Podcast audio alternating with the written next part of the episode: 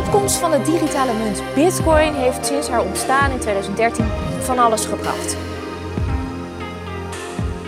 Elke minuut of euro die we eraan besteden is verspilde tijd.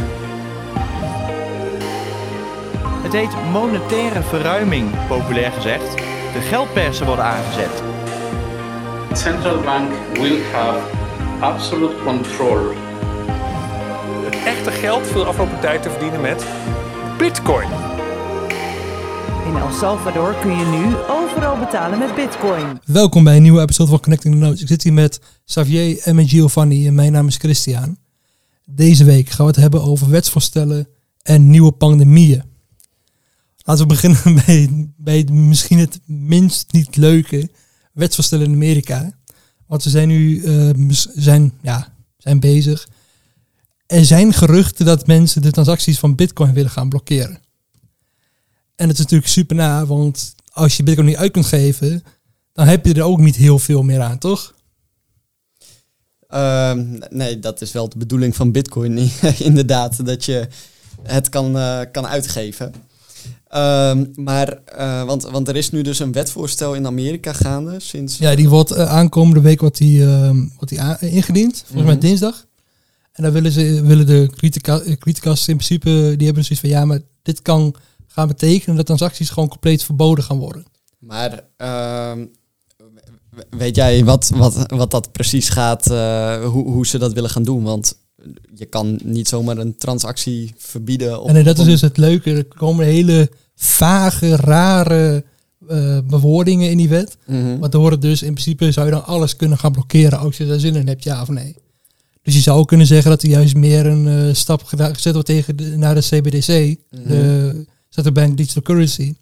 Aangezien alle an- andere transacties gewoon vrij, eh, vrij geblokkeerd kunnen worden. Ja, maar er is wel een verschil in iets wettelijk eh, kunnen blokkeren. Dat, het, dat, het, dat je hun de macht geeft eh, dat ze het mogen blokkeren. Mhm. En het daadwerkelijk kunnen blokkeren.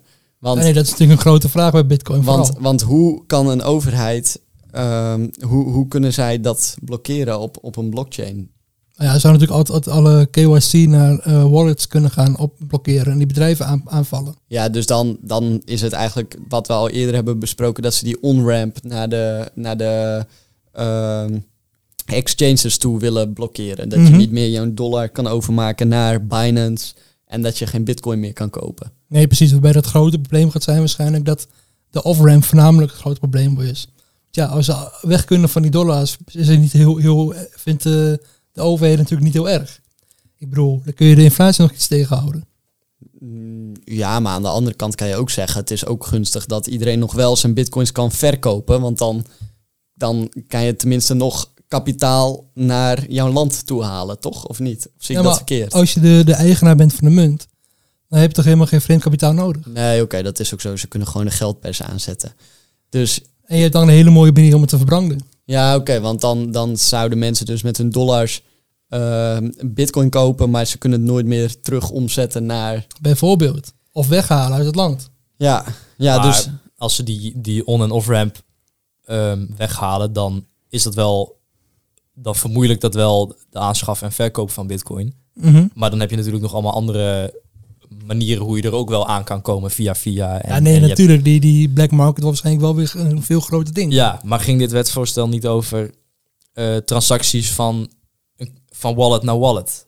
Dat ze die verbieden. Want als dat zo is, Ja, dat heb ik niet zo goed gelezen, niet zozeer gelezen. Omdat het inderdaad meer gaat van ja, dan gaan ze de, de onderlinge handelen, handelen van de eh, eh, inwoners aanpakken. En ik weet niet of ze daar nou zo heel blij mee zijn. Voornamelijk gezien alle freedom onzin van Amerika natuurlijk. Ja, want, maar dan is het dus de vraag. Dan is één de vraag, zouden ze dat willen? En twee, als ze dat zouden willen, gaat dat lukken? Omdat zoveel mensen daar ook in de politiek... Nee, precies. Dan krijg je natuurlijk die mensen achter, eh, van de, eh, de normale man achter je aan. Ja, Want in één keer mag je niet meer je, je buurman je wapen verkopen. ja, Wat natuurlijk een groot ding is daar. ja, ja. Maar er moet natuurlijk wel genoeg geschoten worden. Ja, ehm, nou ja, ik, ik zie dit persoonlijk niet echt in als een bedreiging eh, voor Bitcoin. Want dit is gewoon exact het scenario wat we alles hebben besproken. Ze kunnen die on-ramp kunnen ze blokkeren als ze dat willen. Ik, ik weet niet of Want deze wet is nogal vaag. Ze hebben niet benoemd hoe ze het exact willen blokkeren. Nee, dat is inderdaad Ehm, het eh, grootste probleem met deze wet. Het is heel vaag waarom mensen van oké, eigenlijk kunnen jullie alles. Dat is wel scary. Ja, maar ze, ze kunnen dus transacties op de blockchain niet onmogelijk maken. Als ik een hardware wallet heb en jij hebt een hardware Mhm. wallet, dan, dan, ik bedoel, het enige om dat te doen is een 51 attack. Nou, dat gaat niet lukken. Uh, maar wat ze wel kunnen doen is, um, stel je voor, ik heb bitcoins op mijn wallet staan met KYC en ik maak Mhm. het over naar jou. Dan kunnen ze wel zeggen van, um, hey, wij zien dat er uit jouw wallet een transactie is gedaan. Transacties zijn illegaal. Uh, en dan, dan zou je dus theoretisch gezien wel uh, een boete of opgepakt kunnen worden of weet ik veel.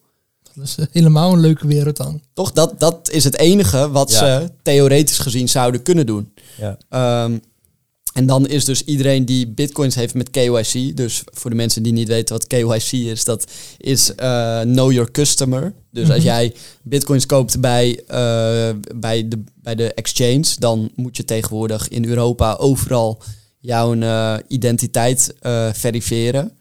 Uh, dus dan weet de overheid ook precies van oké, okay, uh, jij hebt zoveel bitcoins gekocht, dat is jouw wallet. Um, ja, en dan zeker in Nederland, waar die rare wallet-verificatie bij, ja. bij gekomen is. Ja, dus voor, vooral in Europa is dat uh, echt een probleem. Ik weet niet hoe dat in Amerika zit. Kan je, kan je daar nog wel KYC-loze bitcoins kopen op de exchange? Of? Volgens mij is het ook al weg. Ja. Ja Want de KYC is... ook gewoon een groot anti-witwas en fraude ja. uh, uh, ding. En dat is natuurlijk uh, gezien Amerika's historie met dat soort verhalen, Mhm. mm -hmm. is dat wel extreem daar. Ja, ja dus van, vanuit het oogpunt van, van een overheid is het niet een hele gekke gedachte dat zij KYC willen. Want uh, anders dan, dan, dan kan je gewoon heel makkelijk geld witwassen. Ja, klopt. Um, maar dan kom ik ook weer in het gesprek van ja, is geld witwassen nou het probleem? Want daar zijn ook hele grote. Ik bedoel, geld witwassen was tot volgens mij de jaren 70 niet eens legaal. Was nee. prima? Ja, nou ja, dat, dat is maar net in, in wie zijn ogen je bekijkt. Uh, voor, voor een uh, socialist is dat natuurlijk de, de, een van de grootste misdaden die, die je kan doen om uh, geld wit, wit te wassen en, en niet mee te betalen aan het sociale contract. Nee, dat is ook een issue inderdaad. Ja, we weten allemaal wie de socialisten zijn, hè? um, maar anyway, dus, dus um, dat, dat zou, zouden ze kunnen doen. En dan, dan kan je dus met jouw uh, KYC Bitcoin kan je niet meer uh, transacties doen. Maar dan gaat iedereen gewoon uh, manieren vinden om bitcoins zonder KYC te kopen, toch? Ja, of ze gaan inderdaad allemaal mixen. Dan wordt de mixen gewoon uh, voor iedereen prima. Maar mixen. dat is ook een transactie, hè? Ja, klopt. Maar dan is het alleen, de, de, dan is het alleen weg. Dan zou je ja. in principe nog kunnen zeggen, ik ben beroofd. En ze hebben me geforceerd te signen. Ja, maar dan moet je er alsnog wel van uitgaan dat je niet ook al in de problemen komt omdat je een transactie doet van je wallet naar de, naar de mixer. Want, want hoe, hoe houdt zo'n, wat houdt zo'n mixer exact in? En een mixer wordt in principe wat dan al je worden verschillende transacties op een hoop gegooid, over bitcoin. Mm. En die worden dan uh, voor dezelfde hoeveelheid gewoon weer teruggestuurd naar de mensen. Oké. Okay, alleen we weten van elkaar niet wie in de pool zit voor de mixer. Nee, alleen... Die... Dus er komen er heel veel willekeurige bitcoins bij elkaar. Ja. En die worden ook wel willekeurig naar mensen toegestuurd. Maar je, je maakt dan wel van jouw uh, wallet, is jouw, jouw bitcoins over naar een, een andere wallet. Ja, je maakt het dan over naar, zeggen, naar een derde partij. Maar die derde partij, die, dan kunnen ze ook zien dat dat gewoon een wallet is van een, een mixbedrijf, toch? Of... Ja, nee, klopt. Maar dat is inderdaad dan nu nog een issue. Ja. Maar dat zou dan in het geval dat het nodig gaat worden, wordt dan gewoon door mensen geaccepteerd dat het gewoon prima bitcoins zijn. Ja. Dat die geen rare, rare tekeningen op, op hun muntjes hebben. Ja, nou ja, dat is in ieder geval een manier om van jouw, van jouw KYC af te komen. Maar uh, ja, en, en mensen gaan dan dus gewoon uh, bitcoins kopen zonder KYC. Ja, dat wordt ook veel groter. Nou, dat wordt de, de, de logo bitcoin was eigenlijk ook weer een heel stuk interessanter voor mensen. Ja, ja want je, je hebt op dit moment een paar mogelijkheden om aan KYC-loze bitcoins te komen in, in Nederland, toch? Ja, uh, waarbij je inderdaad dan, je hebt dan dus de local bitcoin, waarbij je gewoon iemand in een steeg gaat vragen ja. om je bitcoin te kopen. Kun je ook vragen bij stellen, maar ja. Is, is, dat, is dat een beetje een, een grote scene? Uh, ja, dat was wel een, uh, is, was altijd wel een groot ding. Ik weet ja. niet meer hoe dat nu tegenwoordig is. Want dat nou, gaat dan gewoon via... Ik heb er wel eens naar gekeken, maar je betaalt ook een premium van wel 10, 20 procent. Uh... Ja, maar het zijn wel dan KYC-loos. Dus kunnen ze worden ook dus niet wordt- belast. Nee, daarom. Ja, Ehm, dus dat is, stel je voor, jij komt met een koffertje aan met 10.000 euro en je wil dat omzetten naar bitcoin. Dan kan je daar misschien 80% van de, de marktwaarde van bitcoin van. Ja, Ja. zoiets. Gewoon iets minder inderdaad. Ja, dan moet je wat hem oppassen, want er was laatst weer een gevalletje voor een hotelkamer waar eh, ineens drie mensen stonden in plaats van één eh, persoon met bitcoins. En dan, en dan wil je met je, en met dan, je ja, koffertje... dan, dan is je koffertje weg, heb je ook geen bitcoin meer. nee, nee, en dan kan je ook niet aangifte dan doen kun je moeilijk want- naar de politie stappen, inderdaad. Want ehm, ja, de- dus dat, dat is een beetje een, een sketchy manier. Ja, zeker. Ehm, maar daar, zijn daar dan Telegram groepen voor? Of, of hoe Nee, dat gaat is dat? een eh, online dienst, als ik me niet vergis. Via een website kun je dat eh, connecten met elkaar. Een soort marktplaats. Zoals marktplaats inderdaad, maar dan voor bitcoin. Je hebt Ja. ook de bitcoin marktplaats natuurlijk. Kun je dat nog heen gaan? Voor de, voor de, voor de handeling. Ja. Voor onderlinge handelingen. Maar- Maar het zou ook, je hoeft ook niet fysiek af te spreken, want je kan ook ehm, bijvoorbeeld gewoon een, gewoon een PayPal of een iDeal transactie doen naar een persoon. ja, En dan maar maakt dat, hij het over naar dat je is dan wel op vertrouwen. Ja, Ja, Ehm, en dan gaat het wel via de bank. Dus dan kun je dan nog afvragen van ja, wat gaat die klopt, doen? want dan moet je wel, moet de bank wel weten. Maar dat zou, als dat heel particulier is, dan ja, dan is zou dat het in niet volgen. Maar als het iemand is die dat standaard doet en het is bekend bij de bank, dan, eh, dan dan, het houdt het ook op. want het, het is, dat, dat is niet zonder risico, maar het is denk ik meer... ehm, Ja, maar dat is wel het stukje van je kunt gemak, dat is dan de KYC, dat is een legale, een volledig legale manier. ja. Of je gaat voor een iets eh schimmerige manier, wat principe nog eens legaal is. Maar ja, daar leef je dan wel iets in, in. in. Is, is het eh, illegaal om dat te doen? Stel voor, je, je, je maakt zo'n afspraak. eh, ja, in principe ben, ik, ben je dan gewoon tussen twee particulieren iets aan het verhandelen. ja, Dat is verder niet illegaal. Nee. Alleen als je het in bepaalde hoeveelheden gaat doen, dan Ja. kan ik me voorstellen dat mensen het niet heel leuk gaan vinden. Als jij- en je moet het ook aangeven natuurlijk, als Ja. het over grote bedrijven gaat. Ja, want het is natuurlijk, eh, als jij daarna netjes 1 januari bij de belasting aangeeft dat je dat vermogen bezit. Volgens mij hoef je bij de belastingaangifte ook nog niet eh, te zeggen. eh, je, je moet alleen aangeven hoeveel vermogen je bezit. Je hoeft niet aan te geven in welke vorm.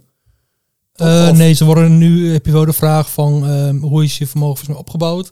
En dan is het wel een van de vragen, is, heb, je, heb je crypto, ja of nee? En, en moet je dan ook echt aangeven hoeveel euro je specifiek in, in bitcoin hebt? Of, Eh, in, in crypto moet je wel, aan, zijn wel aangeven. Want in principe kun je er wel vragen over krijgen. ja. En als je die vragen eh, ja, niet kunt beantwoorden, heb je wel gewoon een issue. Dus het is eigenlijk pas illegaal zodra jij 1 januari eh, het niet gaat opgeven.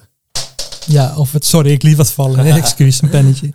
Ehm, ja, nee, dan, dat inderdaad. Maar ook het idee van als je het dan zeggen wel aangeeft, maar niet kunt bewijzen hoe je eraan komt. Ja. Als denk ik van ja, ik had in één keer eh, zoveel bitcoin erbij. Dat is ook raar. Ja, Maar ik denk ook dat we niet prioriteit moeten leggen om in iedereen's handen KYC-loze coins te krijgen. Want we willen adoptie voor de massa. We Ja. willen dat iedereen het gebruikt. Mhm. Maar we- het, het is gewoon niet realistisch dat iedereen aan bitcoin komt.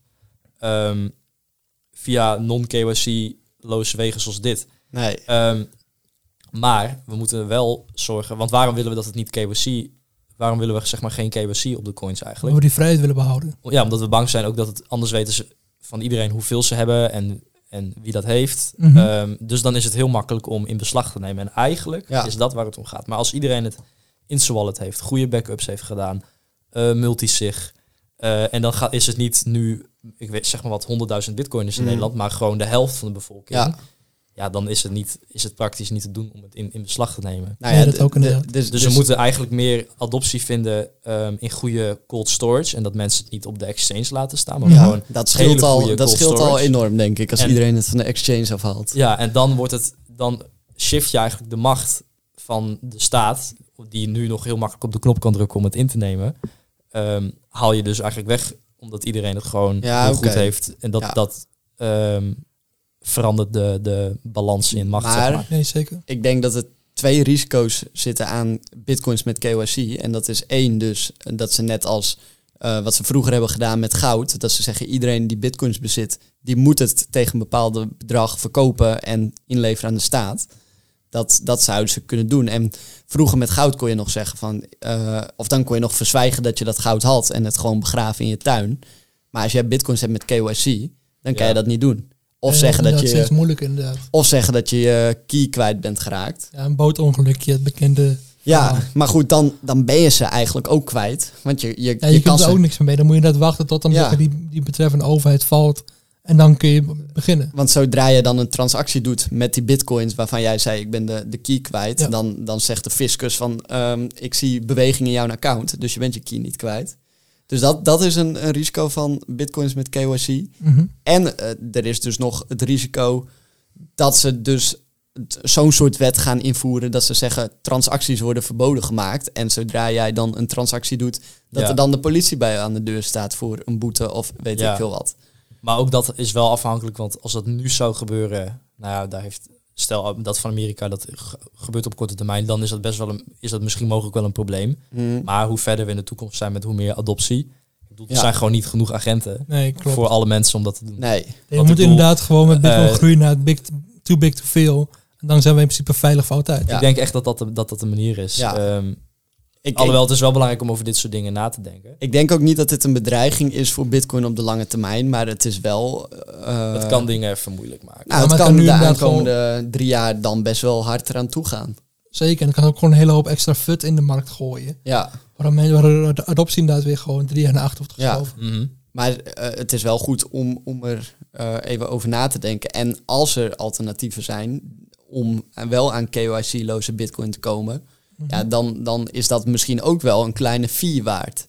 Want in die zin zijn eigenlijk eh, KYC-loze Bitcoins zijn meer waard dan Bitcoins met KYC. Ja, op dit moment zou je dat wel kunnen stellen inderdaad. Ja, Ehm, en we hebben dus nu eh, die manier van in een steegje afspreken met iemand hebben besproken. Maar je hebt tegenwoordig ook van die, van die ehm, eh, exchanges die, die gedecentraliseerd zijn. Ja, je hebt nog wel inderdaad KYC-loze exchanges. Maar die zijn natuurlijk ook gewoon een heel stuk minder ge- ge- gebruiksvriendelijk dan Ja, een, normale, een normale exchange. ja, en je zit nog met het feit dat het wel gewoon vaak een banktransactie is. Ja, dus daarom. je ziet wel dat het daarheen gaat. Alleen ze kunnen moeilijker zeggen welke wallet van wie is. want moet ik dat dan een beetje voor me zien als vroeger hadden we allemaal eh, LimeWire op onze laptop. Dat je dan zeg maar eh, peer-to-peer dat met elkaar uitwisselt of zo. Hoe, hoe, hoe gaat zo'n... en dat eh, is dan dat, maar dan wel iets beter vormgegeven dan LimeWire ooit was. Ja, Dat is inderdaad hetzelfde. Dat is, dat is, inderdaad meer een soort digitale versie van dan de local bitcoin waar je daarop neerkomt. Ja, oké. dus, dus het is eigenlijk hetzelfde. Jij doet. Want als jij een banktransactie doet, gaan jouw euro's dan eerst naar een tussenrekening of gaan die dan gelijk naar. Volgens mij gaat die naar de tussenrekening en vanuit daar wordt dan, ehm zodra die oversteek eh, totaal is, wordt het Ja, overgeswitcht. het is een soort eh, eerlijke oversteek. Ja, een soort Dat- tussenpersoon inderdaad. Oké. Eerlijke oversteek, zoals je het kent van Marktplaats, ja. zou dan hetzelfde Is het ook zijn. niet een geautomatiseerd eh, protocol? Dat je het in een soort potje stopt Ja, en, nee, tegen, en je wacht tot hij het erin doet en dan Dat precies inderdaad. Ja, dat is wel een oh ja. tussenpersoon die dat gewoon regelt. met smart contracts of zo. Of... Met atomic swaps. Ah, atomic swaps. Dus, dus het is niet eh, waterdicht, want ze zien nog steeds als jij elke maand 1000 euro of zo overmaakt naar, naar die, die bankrekening. Ja, maar je zou dan wel je, je, je ehm, adres in principe veilig kunnen stellen. Ja, dus dan is het voordeel eh, dat eh, men weet wel dat je die bitcoins bezit, maar ze weten niet op welk walletadres. Dat Is, Precies. dat is dan nog, eh, dus dan kunnen ze niet volgen wat jij daarna ermee gaat kopen. En Mhm, Of waar het heen gaat of naar wie het toe gaat. ja, ehm, en dan kan je nog zelf gaan minen. ja, Dat is ook een manier om. Ja, dat toevallig is is, eh, Intel... eh, in Ja, de- nou, de- het ding was met Intel, dat is natuurlijk ook best wel een geweldig ehm, verhaal. Er was een lek van een toespraak die ze eind, eind februari gaan hebben. En in die toespraak zat dan één slide wat ging over een miner. Mhm. En het zou dan een efficiëntere miner moeten zijn dan die van Antminer. Wat effectief nu de enige partij is die echt miners produceert. Wat dan natuurlijk heel tof klinkt, maar je zou het uiteindelijk kom je op zo. nog even zien of dat echt gaat gebeuren. Ja, dat is punt je. 1. En Ja. punt 2 is een beetje van ja, heel leuk dat er dan een efficiënte miner komt, maar dat protocol past natuurlijk zichzelf gewoon aan als er meer rekenkracht is. Dus dan is ja, Ja, maar kijk, Dan wordt het ook weer minder wat- interessant. ja, oké, inderdaad. Alleen wat wel, dus het is niet financieel interessant om de, de meest efficiënte miner per se te kopen. Alleen wat het wel interessant maakt, is dat het wel bijdraagt aan Bitcoin too big to veel maken. Nee, Want als er heel veel zeker. bedrijven zijn in geïnvesteerd, Ja, dan wordt het, ja, je hebt wel, dan wordt het wel weer lastig om te verbieden. Want als het nog een heel klein dingetje is, maar net als dat het internet nu niet verboden gaat worden, omdat we gewoon we daar alles is ervan afhankelijk. Ja. Ook de macht van de overheid. ja daarom. Maar en gaan we dan nu over naar het tweede onderwerp? We blijven nog even hier. ehm, Het is wel een mooi bruggetje, maar eh, Precies, daarom eh, ja. dacht ik, vraag het nog als heel iemand nog wat kwijt Nou ja, we, we kunnen nog heel even hebben over die voordelen van, van die thuisminer. Want ik denk dat het wel ehm, eh, mooi is dat het De, want op, op zich is, is de mining van Bitcoin is op dit moment best wel gecentraliseerd. Je hebt eh, een paar grote spelers. Ja. Eh, en dat zag je een tijdje geleden toen in China, toen, toen ze daar nog zaten. Eh, toen zag je dat eh, als, als daar de energie uitvalt, dat dan gelijk 20% van de hash rate Ja, en heb je nou zo'n goed punt. En nou, ondertussen zijn ze weg uit China. Alleen nu zitten ze gewoon met z'n allen in een ander land. Maar het, het zijn een paar hele grote bedrijven die zoveel procent van de, de, de hash rate bezitten. Ja, klopt. Maar dat is nog nooit echt een issue geweest, omdat het wel gewoon genoeg partijen waren die daadwerkelijk dat bezitten. Ja, alleen. dat er twee partijen zijn met beide 30 procent. Bij Nee, spreken. nee, alleen ik denk dat hoe meer gedecentraliseerd, hoe beter. Ja, nee, dat zeker. Daar ben ik wel met je eens. Maar je moet ook niet vergeten dat het niet alleen de miners zijn die aan de macht zijn, natuurlijk. De, de, de eigen nodes die moeten blijven Ja. valideren en dan daar de countergewicht van. Ja, dat, dat is zo. Maar wat dat betreft, stel die, die eh, home miners van, van Intel, die, die komen er. Dat Ja. zal alleen maar de decentralisatie eh, Vergroten. het. vergroten. Dus dat, dat is eh, mooi meegenomen. En het kan dus een manier zijn voor de, de kleine speler om ook aan KYC-loze bitcoins te komen. Ja, dan vraag me natuurlijk af of, het- of, of één miner, laat me zeggen, thuis hebben draaien nog, nog steeds Ja. wel nuttig is om te doen. Ja, want, want theoretisch gezien zou je kunnen zeggen, ehm, je hebt ehm 100 bitcoins en je, je, je, je koopt een miningapparaat en je Ja. gaat dan van die 100 bitcoins eh, de elektriciteit eh, eh, betalen en dan dat laten lopen en daar, daarmee KYC-loze bitcoins. dat zou ook in, in theorie zo werken inderdaad. Alleen dan is de vraag, ehm, eh, hoe, hoe efficiënt kan je dan die 100 bitcoins met KYC omzetten in bitcoins zonder KYC? Kan je dan eh 90 daarvoor terugkrijgen of 80 of juist meer? Ehm, ja, minen kan winstgevender zijn Mhm. aan wat je erin stopt. Ehm, maar dat hangt ook af van hoe duur de stroom is die je Ja. inkoopt. Dus het kan ook dat je erop verliest. Alleen dat kan ook zijn dat je dat verlies wil nemen omdat Ja. je KYC-loos wil. Ja, want En het is natuurlijk ook afhankelijk van wanneer jij bitcoin verkoopt wat de prijs is Mhm. voor stroom. En dan in de tijd dat je ermee mindt. En Ja. dan dat je dat hebt omgezet, wat dan de ma- marktprijs Ja. is. Dus, en, maar ehm, netto is het... Daarom kun je het misschien wel gewoon als neutraal eh, Ja. noemen. Ik en mensen, mensen zijn ook maar- bereid om een fee van 20% te betalen Precies. in, in de steeg voor hun eh, KYC-loze bitcoins. Dus wat dat betreft Mhm. hoeft het ook niet een efficiëntie van 100% te hebben. En je hoeft natuurlijk ook niet alles in één keer KYC-loos te doen. Nee. Want Stel je hebt nu 100% KYC. Mhm. Dan ga je dat nu gewoon laten lopen tot je 10%. Dan heb je gewoon een klein potje vast KYC-loos. Ja, En naarmate Bitcoin groter wordt en de staat eh, harder op gaat treden, Mhm. ga je gewoon steeds meer herbalanceren. ja. Maar je houdt ook een stukje KYC om, om gewoon je elke maand op de exchange te verkopen. Om, om nou ja, als je, als je dat doet om, om rond te komen, zeg maar Ja. zo. Ja, ik denk dat het altijd wel handig is om, om een combinatie van beide te hebben. Maar goed, daar moet je dus wel een home miner voor hebben. Ja, Ehm, hebben we alle drie hier nog niet, maar ja, zou me wel heel leuk lijken. ja, Ja, maar die is op het moment ook gewoon extreem schaars. ja. Ja, Aangezien natuurlijk de bitcoin prijs nu gewoon heel hoog is. Mhm. En eh, de, de endminer in principe de enige is die dingen fabriceert. ja. Is Ja. het gewoon heel moeilijk om nu aan te komen. Hopelijk gaat Intel daar wat meer concurrentie in brengen. En En dan ja, straks... Square, eh, en er was nog een black, niet blackbox of zo, maar wel Black zoiets Box. volgens mij. Nee, niet dat. BlackRock, het bedrijf dat alles, eh, alles heeft. iets ja, met black en die, iets met Die zal ook wel een paar miners hebben inderdaad. dat zou wel leuk zijn inderdaad. ja.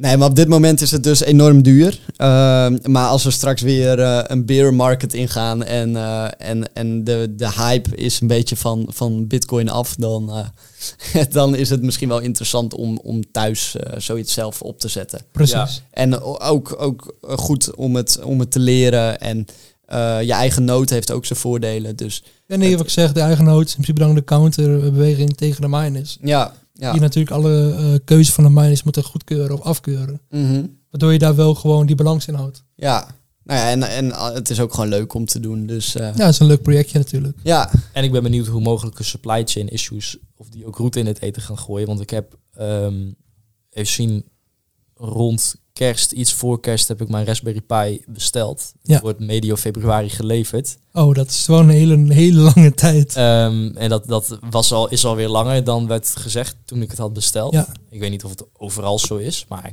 Nee, je ziet wel eens her en der voorbij komen dat het wel, eh Nee, dat het de blijven wordt. wel gewoon een issue de komende jaren. En dat wordt ook lastig voor Intel als je, als je dat, die hardware gaat maken. Alhoewel, Ja. ik weet niet waar die chips vandaan komen. Eh, maar- ja, maar dat zal waarschijnlijk weer een ander procedé zijn dan ze nu gebruiken. Ja. En daarbij zijn Intel-chips nog wel, of laten we zeggen, voornamelijk GPU's zijn heel moeilijk te, begrijpen, te halen nu. En gewoon producten waar weinig winst op zit, zoals een Raspberry Pi. En Die A6 zijn toch eigenlijk veredelde GPU's? Of niet? Of is het echt... Ja, ja, nee. het, is echt. niet letter, het is niet precies een GPU. Nee, maar een ASIC, zoals het woord zegt, ASIC, de, eh, ehm, de, die zijn in principe speciaal gebouwd voor, voor één, één doeleind, dat is bitcoin minen. Mhm. En die kun je niet meer echt, echt voor iets anders gebruiken. Die zijn zo gespecialiseerd. Ja. Heel veel eh, andere shitcoins gebruiken nog wel eh, GPU's. En daar zie je nu ook dat die prijs omhoog gaat en het allemaal opgekocht wordt. Oh ja, oké. Dus ASICs hebben niet zo'n grote impact erop, helaas. Of ja, Nee, gelukkig, laten we het Gelukkig, zo zeggen. ja, gelukkig ja. Maar eh, we hadden het al heel even kort over, over het internet. En hoe Ja. dat... eh, Ja, en over het in beslag nemen van eh, bitcoins, inderdaad. Precies. En het internet bannen. Ehm, ja, en waar we het ook nog eventjes over hebben, dat is de cyber pandemic eh, hypothesis van Laser Hoddle. Mhm. Zijn handle op Twitter is @laserhoddle. Ehm en dat is een account op Twitter. En die vind ik altijd wel leuk om te volgen, want hij ja, maakt altijd een beetje threads van bepaalde, over meerdere maanden, van bepaalde nieuwtjes die hij dan aan elkaar Ja. linkt. Eh, en dan maakt hij daar eigenlijk een, een, eh, nou ja, een, een these van of een hypothese. En nou ja, dat is altijd gewoon wel leuk om te volgen. En eh, nou, dat heeft ook gedaan met corona. En, oh ja, en hij verspreidt ook altijd veel nieuwtjes over mm, soeverein, soevereiner worden, zeg maar. Dus, dus daar gewoon een soort, soort bitcoin lifestyle-achtige Het is wel een tips. grote speler in de Amerikaanse eh, bitcoin Ja, eh, wel. Ja. wereld. Ja, wel enigszins inderdaad. En ehm, vooral, vooral op Twitter inderdaad. En eh, dus, dus dit, dit komt van hem. Ehm, dus we geven ook de credits aan hem. En Natuurlijk. we gaan het eventjes doornemen. En het begint met zijn hypothese is ehm, een gigantische false flag hack. Dus gewoon een hack die niet door een echte speler is gedaan, maar die Mhm. ze gewoon, gewoon nep hebben Die ze inderdaad dat zelf doen. in de scène gezet hebben. Dus met een valse vlag doen alsof het een ander land is of een andere persoon is. Ja. Maar dan zal bijvoorbeeld de CIA er gewoon achter zitten. En, en wat, wat zou dan eh, een, een doelwit daarvoor kunnen zijn? Ehm, een bank, energie, eh Ja. creëert gewoon, gewoon kritieke infrastructuur, eh, inderdaad. Want la- laatst lag wereldwijd bijvoorbeeld Facebook en al hun eh, services er ook Ja. al een poosje uit. Dat, was een, eh, dat was een foutje van een stagiair. Ja, ja, Oh, dus, ja, ja, maar dat gebeurt natuurlijk wel vaker. Maar, maar dan, dan iets wat nog kritieker is, eh, de, de stoplichten of zo. Want Dan is het van. Maar inderdaad, als, als als de stroomnetwerken geblokkeerd Ja. of uitgezet worden. dan heb je een heel land gewoon plat liggen. Maar, maar er zijn, komen in deze thread ook wel wat hints over wat dat mogelijk zou kunnen zijn. Mhm. Eh, ervan uitgaande dat dit, dat dit gebeurt, maar daar kunnen we het zo meteen na afloop even over hebben. Ja. Ehm, en dan, punt 2, dus dan heb je die hack. Punt 2, NATO ehm, triggert eh, artikel 5 eh, voor de tweede keer. De eerste keer dat het gebeurde was eh, na 9-11. Mhm. Ehm, Want de, iedereen de die... NATO is een nationale security of zo? Dude, wat? Eh, we- weet ik veel. Wat, wat de is- NATO is, de, eh, is, is, de, eh, is het blok van landen dat in principe samen, Oh. dat in de einde van de Tweede Wereldoorlog in stand is gebracht om als ehm, tegenstander van de USSR te, te, te, te, Ah, te zijn. Dus er zijn in principe zijn het heel veel Europese landen en Amerika, die zitten in principe samen in een soort eh, pact van, joh, als je een van ons aanvalt, dan vallen we ons allemaal aan. Hmm, dus dan heb je echt een, een, een grote vijand tegen bijvoorbeeld Rusland. Oké, ja. Maar ik- dat heet toch de NAVO eigenlijk? Ja, Of dat, dat een- ken ik wel, de NAVO. Ja, maar de NAVO en? NATO is volgens mij de, Ne- de Nederlandse en Amerikaanse versie. Oh, Ah. nou ja, vandaar. dus. Vandaar de verwarring, want de Ah, NAVO ken ik wel, maar de NATO had ik nog nooit van gehoord. Oké, maar, laten we er even doorheen gaan, want het is wel een lange thread, dus we Mhm. moeten niet... Ja. eh, We eh, moeten niet op elk detailtje Nee, inderdaad nee, daarop, ehm, eh, pakken. Want dat gebeurt dus. Ehm, dan alle, iedereen die een, een stake heeft in de Great Reset, die gaan heel veel propaganda eh, verspreiden over eh, cyberterrorisme. Ja. Gaan oproepen tot ehm, internet eh, vastzetten achter, of nog alleen maar accessible via een digitaal idee. Ja. Ehm, nou ja, dat is dus. En op zich, we hebben het hier e- eerder in de podcast ook wel eens over gehad, dat dat iets, iets is wat, waarvan we denken dat de huidige machthebbers dat, dat En willen hebben, inderdaad. Ja. Eh, sowieso vraag ik me af hoe dat technisch zou kunnen, maar je zou bijvoorbeeld via je, je kan het namelijk doen op de laag van alle, alle services van Big Tech. Dus gewoon Ja. Google, Facebook, bla bla bla, dat je dat dan doet. Dat is niet zo spannend. Maar wat ook zou kunnen is dat ze alle internet service providers vragen om dat alleen op het internet te komen via, via Ja. dat idee. Ehm, maar goed, even zien. Wat zijn een aantal eh, hints hiervoor? Eh, dit gaat al sinds ze- 7 september 2020 wat hiermee te maken heeft. Ja. Ehm, nou, bijvoorbeeld ehm, dat een nieuw onderzoek uitkomt. Dat zie je gewoon in een, in een MSM, MSM-site over ehm, een eh, zonnestorm. Dat dit decennium kan gebeuren met grote kans. En dat zorgt voor een grote internetapocalypse en Mhm. veel, eh, alles gaat offline. En dat is bijvoorbeeld ook iets, iets waar een cybersecurity team van het Witte Huis voor waarschuwt dat dat kan gebeuren. Ehm, een andere globalistische organisatie, ik weet niet wat die doet verder, maar het Atlantic Council, Mhm.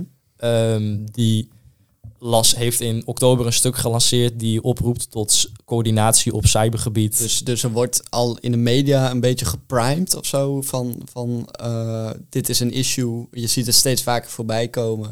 Waar Ja. vroeger eigenlijk ook evenveel hacks gebeurde, zie je nu in één keer dat er veel aandacht aan gegeven wordt. Ja, of dat het inderdaad een grotere dreiging Ja. eh, wordt uitvergroot. Ehm, deze, dit vind ik wel een hele bizarre, maar ehm, een, een opinion article. Maar ja, goed. Kijk, hij verzamelt het gewoon. Het kan ook gewoon, gewoon een random gast zitten. En dit is toevallig op een hoog aangeschreven site gepubliceerd. Maar dit is op Mhm. Bloomberg.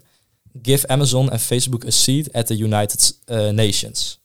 Dus dan ga je grote big tech bedrijven gewoon dezelfde macht eigenlijk geven op wereldtoneel als, als landen. Ja. Mhm.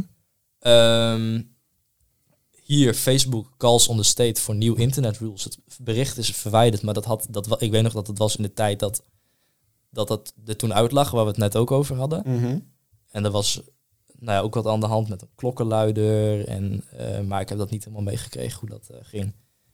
Nee, er zijn wel een aantal klokkenluiders uit, uit, uit het kamp van Facebook opgestapt van... Yo, ze wisten echt wel wat er gaande was. En dit is niet, dit is niet in de haak. In de, in Nee. Dat kan niet. Het Nee, zou dus zijn daar- daarmee te maken hebben dat ze daar iets tegen willen doen. Ja, Want klokkenluiders, hoe leuk mensen het allemaal vinden... die worden nog steeds niet echt goed beschermd op enige vorm. nee, helaas. En dat is wel Ehm, gewoon heel jammer. Omdat er gewoon heel veel relatief onschuldige mensen gewoon opgepakt worden. Ja, ja. Snowden en eh, Bijvoorbeeld Assange. inderdaad. en hier is, hier is nog, een, nog een globalistische organisatie die ook ehm, oproept tot inderdaad, nou ja, online eh, eh, free speech regulatie. Mhm. Ehm, Australië heeft al een digidee, digitaal idee ingevoerd, maar die is alleen voor ehm, als inlog op, op bepaalde s- overheidsservices en eh, social media. Mhm. Ehm, dan heb je nog, even zien, we zijn er bijna doorheen. Zijn jullie er ook doorheen aan het scrollen? Of? Ja, ik, we eh, ik dat heb hem ook. Oké. heeft zo mooi het verhaal. We, wacht even dat jij het volgende stukje aankaart. Dan kunnen we daarvoor over hebben. Ja, maar hoef ik niet alles op te noemen. Nee, nee, nee. Maar inderdaad, zien, het, het WEF is er dus ook al eh, mee bezig, zie ik. Ja, inderdaad. Ehm, nou, hier ook afgelopen najaar het World Economic Forum tweet. Protecting critical infrastructure from a cyber pandemic. Sowieso vind ik het, het woord cyber pandemic, dat ze ehm, het allemaal in de taal gebruiken van corona, Mhm. van, Ja. van de pandemie, voor een cyberaanval, vind ik, nou ja, gewoon, gewoon weird. Ik, en ik snap waarom mensen dat verdacht vinden, maar misschien is het ook wel gewoon cringe. Dat ze Ja, gewoon... ik denk... Ik bedoel, Dat zou ook kunnen. ik bedoel een, bit, een bitcoin wallet was ook een crypto bewaard portemonnee. Ja, Weet je wel, ik, ik weet niet of je dat soort woorden echt moet toekennen Ja, het zijn aan, wel het, gewoon aan het boomers. kennis. Of zijn het gewoon boomers die niet snappen hoe het werkt. En die zien een probleem wat groter wordt. Oh, het is een pandemie. ja, zo van, Ja. iedereen weet nu dat een pandemie een globaal probleem is. Dus Precies. als we dat gebruiken... Als ze dat gebruiken, is het ook gelijk duidelijk voor en iedereen. dan hebben ze gewoon een stagiaire Ook- communicatie die dat Ja. heeft bedacht. Ook de, de metaforen voor, voor iets eh, futuristisch werden altijd gedaan aan, aan voorbeelden uit hun eigen tijd. Dus eh, toen, toen we veel stoommachines hadden, toen dachten we altijd dat we allemaal stoommachines Oh, in, zo de- bedoel je, ja. in de toekomst Gewoon een extrapolatie van... En, en nu zit pandemic en, en zo zit natuurlijk allemaal vers in ons geheugen. En iedereen weet wat voor ellende dat gaat aanrichten. Dus dan Mhm. is het een, een logische stap dat we dat dan ook... eh, Daarin gaan gebruiken. Ja, maar in ieder geval, het wordt, de, de term wordt door best wel eh, veel mensen gebruikt. Ja. Ehm, en en het, het, het wordt steeds eh, meer eh, in de media geprimed. Een beetje opgevoerd inderdaad. Ehm, en hoe... hoe, hoe Oh ja, dit is ook nog wel eentje. Mhm. Ehm, ja, of- of- nee, zeg eerst maar je vraag. Want ehm, wat, wat eh, is, is hiervan... ehm, dus Laserhuddle heeft dit als, als, als thesis, dat dit eraan gaat komen. Hoe past dit binnen, binnen het plaatje van wat er nu speelt? Wat, wat, wat heeft... Uh, Oké, nee, dan gaan we het dan, dan, dan na de hints eventjes... eh, want, want hier is er bijvoorbeeld ook nog eh, tien, tien landen, eh, Israël en nog wat, eh, even zien wat hebben we, VS, Duitsland, Nederland, volgens mij ook. Ja, Ja. Nederland ook inderdaad, Zwitserland. Die doen een simulatie van catastrofale eh, cyberattack op het globale financiële systeem. Ja. Mhm. Ehm, nou, we hebben ook een paar maanden voor corona een eh, simulatie gehad van een aantal globalistische organisaties wat er eh, van een coronaviruspandemie en Ja. hoe, hoe ze daar dan wat voor maatregelen ze dan gaan, gaan voeren. Nou, dat is een beetje wat we nu hebben gehad. ja. Ik heb er zelf geen conclusie over getrokken, ehm, behalve dat dat gewoon ja, vreemd is. het, Ehm, het is toevallig, laten we het zo even ja, maar ik, ik kan daar geen. We kunnen er wel induiken van, van wie daarachter zit achter en, en of Ja. het met intentioneel is, maar dat, Ja. daar kom je niet uit. Dat is gewoon Dat is dit moment nog te vaag inderdaad. ja. En ja, het is er nou eenmaal. Ehm, en, en nu, dus een beetje sinds eigenlijk Rusland en Oekraïne, ehm, heeft hij dat ook een beetje eraan gekoppeld. Want bijvoorbeeld ehm, a massive hack of Ukrainian government sites believed part of Russian. Dus in de westerse media wordt, wordt, krijgt Rusland nu al de schuld van wat, iets wat is gebeurd met, met Oekraïne. Nou ja, dat zou ook wel kunnen, maar dat weet je, weet je niet. Dat is gewoon wat zij zeggen. Nee, precies. De NATO die heeft benoemd zelfs weer dat ze artikel 5 hebben en dat dat gebruikt kan worden voor een eh, voor assets in space, dus satellieten en zo. Mhm. Nou ja, zo gaat het nog wel eventjes door. Allemaal van dit soort, eh, dit soort dingetjes. Ehm, dus het kan zijn dat ze Rusland de schuld gaan geven, maar ja, dat is maar net hoe dat loopt. En het kan ook zijn dat als Rusland het doet, omdat het gewoon dat zij dat echt strategisch nodig hebben, Mhm. dat, dat, dus dat ze het niet eens zelf doen, maar dat ze gewoon dat event gewoon gaan misbruiken. Dus het hoeft niet per se een vals vlek te zijn. Het kan ook een echte hack zijn en die Ja. gaan ze vervolgens gebruiken. Ja. Ehm, maar goed, hoe past het in het narratief? Nou ja, eh, twee dingen. Ten eerste hadden we het net, dus die KYC-discussie, eh, omdat we niet willen dat onze bitcoin worden ingenomen. Mhm. En als we digitaal ID hebben op het internet, alleen accessible, Ja. dan is eigenlijk alles op het internet KYC. Dus dan kun je niet eens meer afspreken op localbitcoins.com Nee. met iemand. Nee, want dan is het dus, eh, dat, dat is die discussie waar we het eerder ook al over hebben gehad, dat je dan waarschijnlijk via jouw internetprovider eerst moet inloggen met jouw digitale ID om toegang te krijgen tot het internet. Ja, Ehm, en dan, dan vervolgens alles wat jij op het internet doet. Je, je kan dan wel bijvoorbeeld een, een, een eh, proxy of een VPN gaan downloaden. Mhm. Alleen dan zien ze al dat je dat doet, omdat je al bent ingelogd met jouw, eh, met jouw digitale ID. Dus dan, dan Ja. kan je niks meer anoniem op internet zeggen. Eh, want dat, dat, dat hoor je tegenwoordig ook vaak op de media. Hè? Dat mensen anoniem heel veel dingen kunnen zeggen en eh, Mhm. dingen kunnen verspreiden. Zonder dat, dat mensen daarvoor. Dus dat, dat is ook wel een probleem. Eh, maar ja, dat, Nou, vind je dat een probleem? eh, Of is het nou, gewoon dat het dat voor is boomers nieuw dat- is? Ja, dat is het internet. Dat, dat, Ja. ja, dat, ik vind het niet per se een probleem. Want Alleen, ik bedoel, de mensen die ik erover hoor, die hebben allemaal haarimplantaten. ja, Want wij, bedoel, doen, dat wij doen zegt het ook, ook- anoniem. Daarom. ja. Dus dat zegt ook wel gewoon iets over de mensen die, dat iets, die Ja, dingen over zeggen. dat, dat, is, dat is meer als iemand op Gerard Joling reageert van wat, wat heb je een Fiat-kop of zo. nee, nee, Eh, nee, het is Gordon, hè. Gordon maakt er moeite, heeft er moeite mee. Als, als, als iemand dat onder zijn Instagram reageert en, en dat hij dan eh, bij shownieuws zegt van eh, ja, iedereen kan ook zomaar eh, anoniem dingen op internet zeggen. Precies. Dat, dat hoor je ook wel vaak. Maar Ja. in ieder geval, dan, dan kan dat niet meer, omdat je dan met, met je KYC eh, alleen nog maar het internet op kan. Ja. En, en het is dus niet, dus het is inderdaad, voor, voor Bitcoin is dat wel problematisch, maar Mhm. ik vind het ook gewoon sowieso ideologisch problematisch. Want ehm, wij, wij doen deze show ook anoniem, Ja. omdat wij dan niet gekoppeld worden aan, aan wie wij zijn. Mhm. Of dus wat wij zeggen wordt niet gewaardeerd aan de hand van hoe, wat, wij, wat onze positie in het echte leven is, maar dat Mhm. we gewoon puur wat we zeggen. Ja. Ehm, En daarom denk ik dat anonimiteit heel erg bijdraagt aan, aan nieuwe ideeën. ja, en aan innovatie en, en het, het vrije woord. Want anders is het hele internet, echt het hele internet, Reddit, 4chan, Twitter, gewoon zoals LinkedIn. En dan zit iedereen elkaars kont te likken. Ja. Omdat iedereen weet wie wat zegt. Ja, want anoniem kan je natuurlijk veel ongenuanceerde dingen zeggen. Eh, Ja. Omdat als jij dat onder je eigen naam doet, dan kom je maandag op het werk en dan staat de baas eh, klaar om, om even met jou in gesprek te gaan. En ik, ik snap wel dat, dat, dat het voor iemand als Gerard Joling, of ik weet niet wat, wat is er iets mee gebeurd. Maar gewoon dat als, dat als Nee, je bedreigd wordt, dat dat eng is. Ja, Ja, nee, Dat is gewoon eng. Ja, en, de- Ehm. en dat zag je nu tijdens de, de corona ook heel vaak dat dan bekende virologen of zo bedreigd werden. En dat, dat, dat zijn wel echt issues. Maar Mhm. ehm, Maar om dan het hele internet tik- timmeren, Ja. wel een beetje een extreem volgens dat, mij. dat is eigenlijk weer zo'n voorbeeld van hoe wij in onze moderne maatschappij eh, collectieve veiligheid hoger achten dan individuele vrijheid. Dit is eigenlijk weer een extreme eh, doorgeslagen vorm daarvan. Eh, Ja. En dat- dat is eigenlijk ook wat er nu met corona gebeurt. Ehm, onze individuele vrijheid wordt enorm ingeperkt ter bescherming van de collectieve veiligheid. En dat, dat is tegenwoordig eh, gewoon de, de consensus binnen, binnen de eh, overheden van de, de richting die we op, op zijn gegaan. Ja, Ehm, maar ja, maar dus, die zijn wel opgegaan eh na navolging van extreme angst. ja, En dat zie je nu ook weer steeds weer afnemen. nou ja, de en angst, zolang niet iedereen eh, met de, de hele dag met de dood wordt bedreigd, ja, zou dat denk ik ook niet zo'n zo'n grote vorm aannemen. de angst voor corona zien we inderdaad afnemen. Alleen dit Maar- is dus wel weer een nieuwe angst. Om, om maar mensen- gaat het ook lukken eh, om iedereen zo- hier zo bang mogelijk voor te krijgen? Dat iedereen... Ja, maar dat, dat denk ik dus niet. Nee. Ik denk dat daar veel meer moeite in zit. Want corona is echt iets nieuws. Ja, En dat kwam uit het niks. En het heeft gewoon heel veel ehm, ja, pijn bij heel veel mensen veroorzaakt. En internet, internet doen we al heel lang. En daar heb je alleen als extreem bekend persoon echt heel veel last van.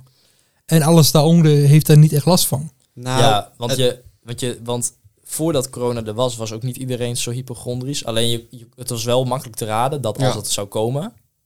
eh, Mhm. ik bedoel, ik was op, op de basisschool ook heel erg bang voor de, voor de vogelgriep Ja. en, en dat soort dingen. Of, of wat, Ja. er toen, wat er toen was.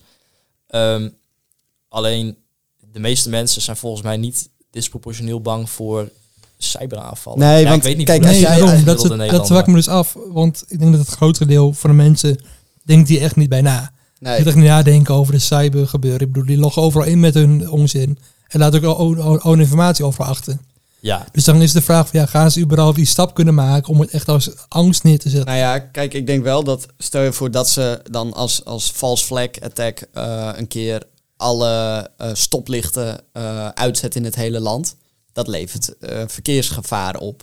Of, eh, ja, ja. of dat is een keer het elektriciteitsnet. Zit iedereen een, een, een nacht in het donker. Maar ook ziekenhuizen die daar last van hebben. eh ja, ja. 1 en 2 kan je niet bereiken. Dat soort dingen. Dus Nou, ik- ik, denk persoonlijk dat het eerder toegeschreven wordt op, het, op de onkunde van overheden en IT. Dat Ja, maar als- dat is als- ook als- al heel lang een probleem. als iedereen in principe over. Ja, maar als zij zeggen van dit kan opgelost worden door iedereen met KYC op het internet eh, alleen nog maar toe te laten.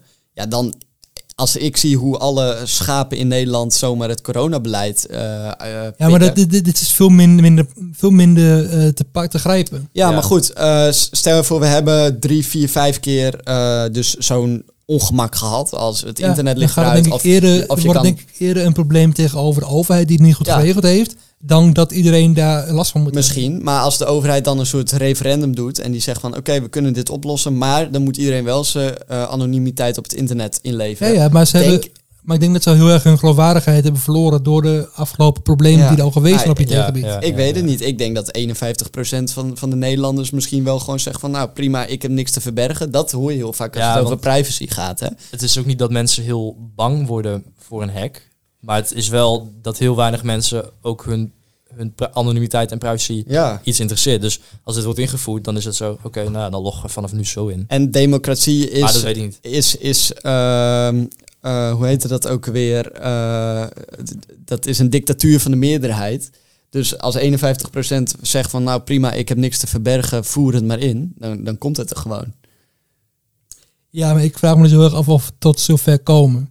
Omdat het gewoon, weet niet, het, het voelt gewoon alsof een ziekte, bes- eh, mensen beschermd tegen een ziekte is meer iets dat de overheid Ja. kan, dan het internet eh, veilig houden of zo. Ja, en wat ook heel sterk was aan corona, was dat ehm, iedereen moet er actief aan meewerken eh, om het tegen te gaan. Ja, Eh, je vraagt heel erg het verhaal. Ja, je vraagt aan mensen van eh, blijf binnen, want anders verspreidt het zich. En als jij dan mensen continu bang praat via mainstream media, dan eh, en, en mensen gaan elkaar dan ook controleren. Alleen voor deze internetpandemic, het Wordt is, het gewoon een niet, stuk moeilijker. het is niet dat jij als individuele burger daar invloed op hebt. Daarom. En, en dat jouw buurvrouw door het raam gaat kijken van, oh, houdt hij zich wel aan de internetregels? Ja, Dat, En als het, als het wel zo was, dan hadden mensen ook niet elkaar met de dood lopen bedreigen.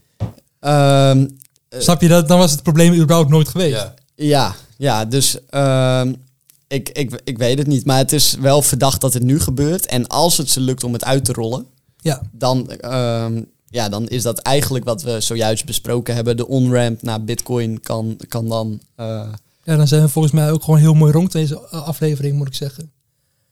Dat we heel mooi het artikelen samen hebben gevoegd. Ja.